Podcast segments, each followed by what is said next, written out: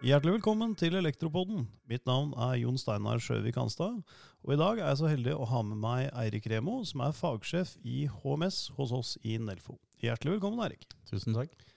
Og temaet i dag det er praktisk gjennomføring av FSE-opplæringen under covid-19. I alle dager. Hva er det du holder på med nå, Eirik? Hva ser ut som? Ja, det, det ser ut som du driver og fikler med et målebånd. Altså, stemmer. jeg Nå er jeg-. Nå har jeg målt avstanden mellom oss to, Ja. og det er det faktisk en grunn til. Ja, det er en slags yrkesskade, da, kanskje.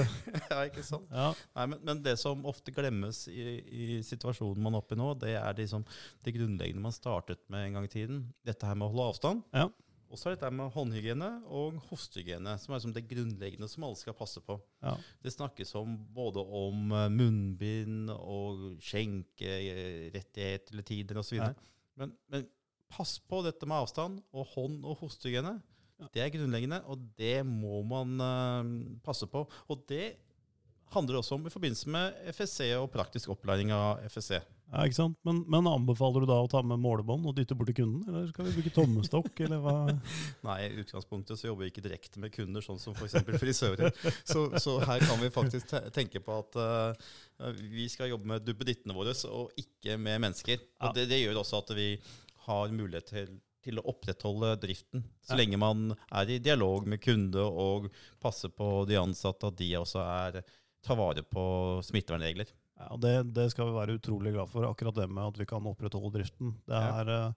mange bransjer som har det, har det ganske tøft om dagen, eh, men vi har fått noen endringer med tanke på dette med praktisk gjennomføring av FSC-opplæringen. Kan du si litt om, om hva som er nytt der, Erik?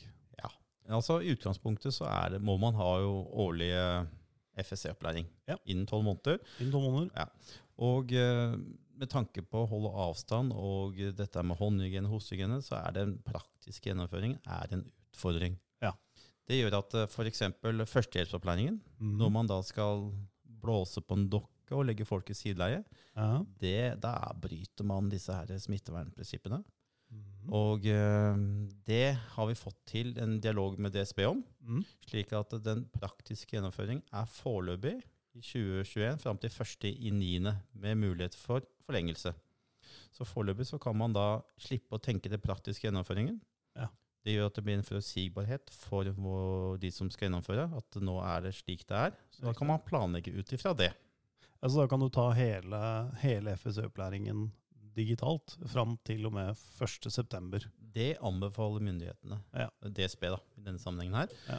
De anbefaler å ta dette her nettbasert. Og et alternativ er selvfølgelig å ta det på med et sånn nettbasert kurs. Ja. Eh, eller kanskje man kan velge å kjøre det internt på Teams, hvis man har Mm. om det. Men unngå samlinger. Ja. Unngå å møtes.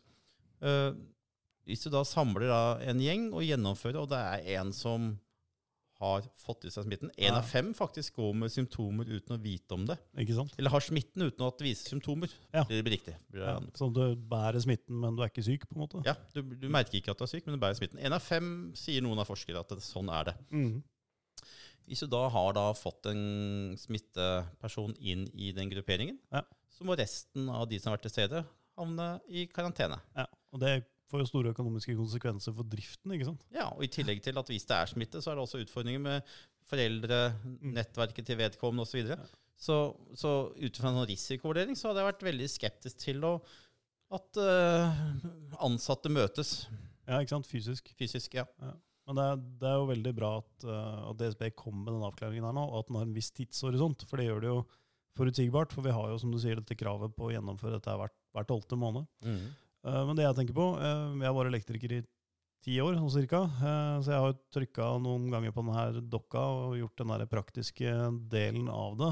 Var det Anna du kalte denne dokka? An Anne blir Anne Lærdalsdokka eh, ofte kalt. Lærdalsdokka. Ja, så bra. Ja, men altså, vi, vi er jo vi er godt trent til det, vi som har jobbet som elektrikere. Um, over, en, over en periode. Så jeg tenker at faren eh, som sådan, altså hvis man skal vurdere risikoen da, eh, ved å ikke gjennomføre dette praktisk, men faktisk få en teoretisk terping på det fram til og med 1.9., så er jo den minimal. Ja, ja. Og det er bra. Samtidig, hvis du ringer 113, Ja. så får du jo veiledning Ja. i noe du har trent på tidligere også. Ja. Så, så faren rundt dette syns jeg er liten, med tanke på hva vi kan oppnå hvis det ikke eh, Eller hvis det blir smitte, da. Ja, og I den sammenheng så er det jo greit å nevne at uh, du er jo tidligere ambulansesjåfør. Så du har, det du, har lært, du har lært meg at det, det er ikke farlig å ringe til 113. Det er, det er bedre å ringe én gang for mye enn én gang for lite. Og at de som sitter på medisinsk nødtelefon, de har en sånn liste som de går gjennom og i det hele tatt. Så hvis du klarer å spytte ut hvor du er henne, så er vel det meste gjort, kanskje? Ja da, jeg har selv sittet på medisinsk nødtelefon Ja. eh, og hatt ansvar faktisk for en større enn i, i landet her. Mm. Og da tok, fikk vi inn telefonene på alt, og det er ikke, ikke farlig å ringe 113. Nei, Ikke sant? Det, det heter medisinsk nødtelefon eller medisinsk nødhjelp, mm. slik at de kan veilede deg videre på ting. Kanskje man ja, ring legevakten, eller vi Ja. sender sykebil, eller dette er ikke noe. Ja, Og det, ja. Så hvis uhellet skulle være ute, og man faktisk må um, utføre førstehjelp på stedet, da, um, så kan det jo være lurt å skru på telefonen på høyttaler og faktisk ha noen uh, sånn standby på, til hjelp. da. Husker du rekke, eller eh, hvor fort du skal trykke?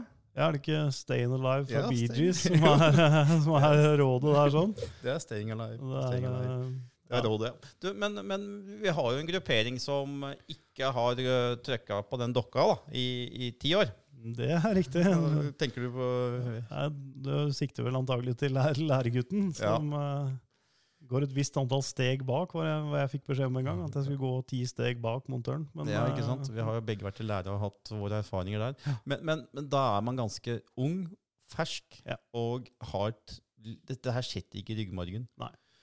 Og det medfører at uh, Det gjelder også faktisk ikke bare førstehjelp, men det gjelder alt som er innenfor FSC. Absolutt. Så, så det handler om at uh, obs, obs, pass på at de får en god FSC-opplæring. Ja. Uh, som sagt, ferske. De har lite jobberfaring. De er uh, nye i yrket. Og man ser også hvordan DSB beskriver lærlinger, at det ofte det skjer ting som en fagmann ikke hadde gjort. Ja. Og derfor er det så viktig å holde fokus på dem, for all del. Ja, det er, det er et godt poeng. Det er en, uh, en sårbar gruppe i arbeidssammenheng. De er jo ferske i arbeidslivet, de, de fleste av de, og de har jo da er det viktig å sjekke at de faktisk har gjennomgått en FSC-opplæring før de kommer ut i, ut i arbeid og skal være med, være med en fagarbeider. Fordi de skal jo jobbe sammen med noen hele tiden, og ikke jobbe med noe selvstendig. Og, og da må også bedriften sjekke at de har tilstrekkelig FSC-opplæring som, som er tilpassa den arten virksomheten har. Da. Det skal være tilpasset virksomhetens art, står det på, et annet, eh, står det på fint et eller annet sted. Og det, det betyr jo bare at hvis du har gått uh, FSE-opplæring på skolen og, og, og lært deg å jobbe trygt på sånn um, sponplatebrett, så kan det være lurt å, å ta en liten recap på det hvis du skal inn på, på et smelteverk et eller annet sted i, i Norge. For da er det kanskje litt andre, andre ting som gjelder. Ja, det, jeg begynner å tenke på den sponplata òg. Det var tider, det. Um, det som Jeg kan jo gi et lite tips da, når det gjelder sånn FSC-opplæring. Sånn praktisk, eller ikke praktisk gjennomføring, men gjennomføre FSC-opplæring. Ja. Fordi i forbindelse med denne situasjonen er i, så, så skal man være hjemme hvis man har symptomer. For mm. å forebygge. Ja. Uh, altså, hensikten med hjemme er å unngå sosial kontakt, slik at man uh, slipper å møte folk. Det er det som er å smitte. Ja, smitte andre. Så, så man er jo i Man er jo arbeidsfør, selv om man Ja. har stufset hjemme. Så hvorfor ikke da kjøre folk på nettkurs, når man først sitter hjemme og i gåsetegn ser i tak eller andre ting? For da Du er ikke i produksjon, Nei. men du kan fortsatt tilegne deg kunnskap Ja, men, når du eh, først sitter hjemme og må holde, må holde under jobben. Det er, det er et veldig, veldig godt tips at man kan gjennomføre det da i en sånn periode. Um, både FSC-opplæring og andre, andre typer, uh, typer kurs. Det Ja, ja, ja. var et veldig, veldig godt råd.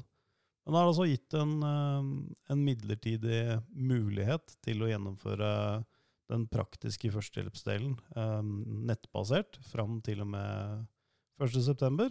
Og er man så uheldig å pådra seg noe smitte og er i karantene, så så kan det være et fint tidspunkt å, å gjennomføre det på. Absolutt. absolutt. Og med det så sier vi takk for i dag. Ja, ha det godt. Ha det godt. Ha det godt. you